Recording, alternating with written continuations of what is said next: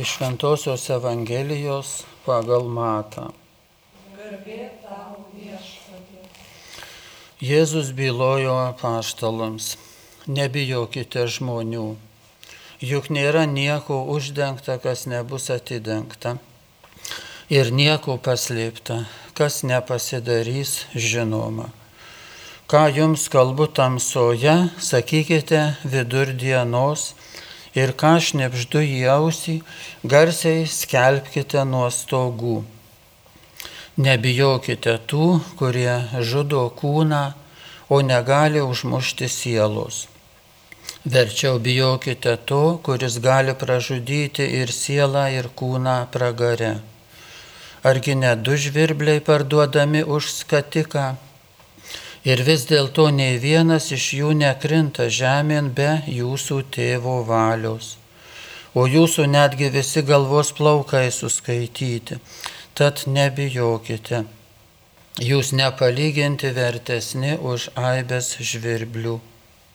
Kas išpažins mane žmonių akivaizdoje ir aš jį išpažinsiu savo dangiškojo tėvo akivaizdoje o kas išsigins manęs žmonių akivaizdoje ir aš jo išsiginsiu savo dangiškojo tėvo akivaizdoje. Girdėjote viešpatie žodį.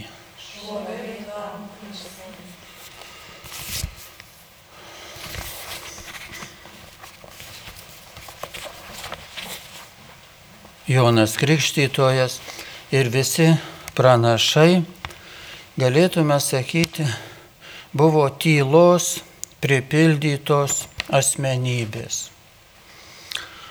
Kadangi jie visi girdėjo Dievo balsą. Kad mes girdėtume Dievo balsą, mes turime turėti ne tik išorinę tylą, bet ypač vidinę tylą. Vidinė tyla gali būti dovana, Dievo dovana, mūsų gal prigimtyje kažkaip suteikta, kuri kartais pasireiškia, kartais mes galbūt savaimingai patiriame tą tylos, tuos tylos momentus, bet turbūt labai svarbu, kad juos sąmoningai palaikytume. Ir tokiu būdu Dievas galėjo prabilti pran, pranašui Jeremijui ar Jonui Krikštytojui ar kitiems pranašams. Ir ką jis jiems pasakė? Žinoma, jis jiems pasakė apie jų misiją, ką jiems daryti. Ir tai buvo visai kas kita, negu jie patys buvo sugalvoję ar ko jie buvo ėmęsi gyvenime. Atkreipkime į tai dėmesį. Jų nutilimas, jų tylos branginimas, jų tylos pripildyta asmenybė e, sudarė sąlygas, kad jie išgirdo visai kitą savo gyvenimo tikslą, visai kitą pašaukimą, kitą misiją negu iki šiol buvo turėję. Kita aspektą, kurį mes galime taip pat e, matyti e, pranašų gyvenime, kad jie turėjo socialinę įžvalgą. Išgirzdami Dievą, jie įgyjo socialinių problemų sprendimo įžvalgą. Ir tą matome visų pranašų gyvenime. Ir Jonas Krikštytojas ar atsimename, kaip jo e, įvairios žmonių grupės klausė, o ką mums daryti, o ką mums daryti. Jie atėjo iš pasaulio su savo problemom, žemiškom, re, realiom problemom, gyvenimiškom ir sakė, ką mums daryti. Ir Jonas, jie nežinojo tie žmonės, kurie turėjo savo, savo verslus, savo darbus, jie buvo panirę į tuos žemiškus dalykus, juose dirbo turbūt e, daug valandų ir intensyviai, jie nežinojo, ką daryti. O Jonas Krikštytojas žinojo ir jis jam pasakė. Taigi, kodėl, kodėl jisai gebėjo žinoti? Dėl savo atidumo Dievui. Ir tai labai brangi dovana gebėti išvelgti problemų, socialinių ar bažnytinių problemų, ar bet kokių sprendimo galimybės. Prancūza kalbėje Šveicarijoje yra Gronšon bendruomenė, kurią mes lietuviai pavadiname kartais Grand Champo, ištariame tokiu būdu, moterų ekumeninė vienuolyje, kuri yra e, nu, lyg analogija vyrų tezė bendruomenės. Kadangi Gronšon bendruomenė yra mm, tylos e, bendruomenė, ji neturi švenčiausio sakramento e, taip kaip katalikų vienuolijos, kadangi ji ir būdama ekumeninė daugiau laikosi tokios protestantiškos e, pasaulyje žiūros, pasaulyje jautos. Tai tada kasgi sakralu toj vienuolijoje? Jeigu nešvenčiausias sakramentas, apie kurį sukasi daugelio katalikų vienuolijų gyvenimas. Taigi jų gyvenimas pripildytas sakralios tylos. Ir daug žmonių atvyksta pas seseris pabūti toje tyloje, patirti tylą. Ir jos pamokina, paprašo, kad žmonės kiek galėdami būtų, tol kol yra vienuolynė, būtų išorinėje tyloje ir ta tyla taptų jų vidinė tyla. Jos turi Dievo motinos ikoną, kas nebūdinga protestantams. Ir kodėl jos turi Dievo motinos ikoną? Nes Marija yra ta, kuri klausosi Dievo žodžio jos kontempliuoja Mariją kaip Dievo žodžio klausytoją. Ir jos pačios nori būti tokios atidžios Dievo žodžio klausytojos. Ir tokios tampa. Ir galime tada matyti jų sąsąją su ta pranašų, sakykime, tradicija.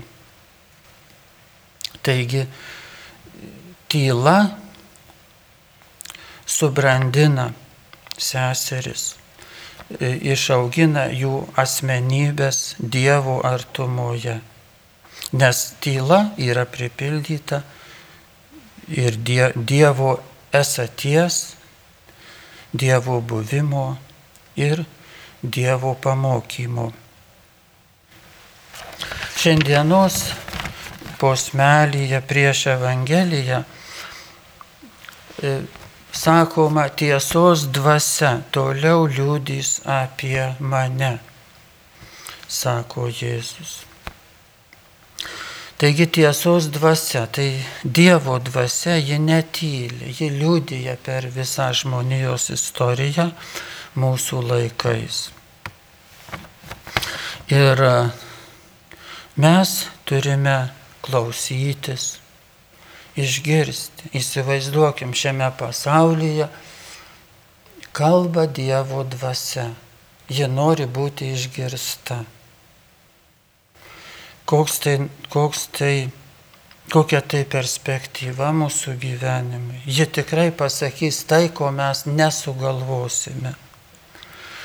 Jeigu mes viską suplanuosime, ką tik geriausio žinome, Bet e, jeigu išgirsime Dievo dvasę, jos liūdėjimą suprasime, tai mūsų gyvenimas visada turės naują perspektyvą. Ir ji pasakys mums apie mus pačius, to, ko mes nežinome. Apie mūsų pašaukimą, to, ko mes nesuprantame. Nors skaitome visokias knygas, geras knygas, labai protingas ir labai daug išmokstame. Ir aišku, dvasia gali ir, per, ir dažnai praš, prašneka per gerą literatūrą. Bet taip pat mums reikia nu, į visišką tylą nueiti ir būti Dievo akivaizdoje, nes Dievo dvasia mums padeda suprasti tą, ką mes skaitėme. Taigi ji pasako apie mūsų pašaukimą, apie mūsų misiją ir duoda mums socialinės įžvalgos, parodo mums, padeda mums suprasti socialinę tiesą. Taigi, išorinė tyla veda į vidinį nutilimą, o vidinis nutilimas vidinė tyla suteikia mums galimybę girdėti slėpiningus, bet ir gyvastingus Dievo žodžius. Žodžius, kurie suteikia mums naują žvilgsnį. Taigi tyla pirmiausia, galime sakyti, mus gydo. Mus gydo ir apvalo nuo to, ką pavadintume triukšmo tarša. Ne tik išorinio triukšmo, bet ir mūsų viduje esančio triukšmo. Antra, kai mes gebame išgirsti mums bylojančią tiesos dvasę, Dievo dvasę. Ji mus tokiu būdu ugdo ir moko ir jie teikia naujos išvalgos į mūsų individualų gyvenimą, kaip mums būti, ir į mūsų socialinę aplinką. Ir tai yra tas kelias, kuris ateina nuo pranašų, nuo Jono Krikštytojo iki mūsų dienų ir kalbina mūsų širdis. Amen.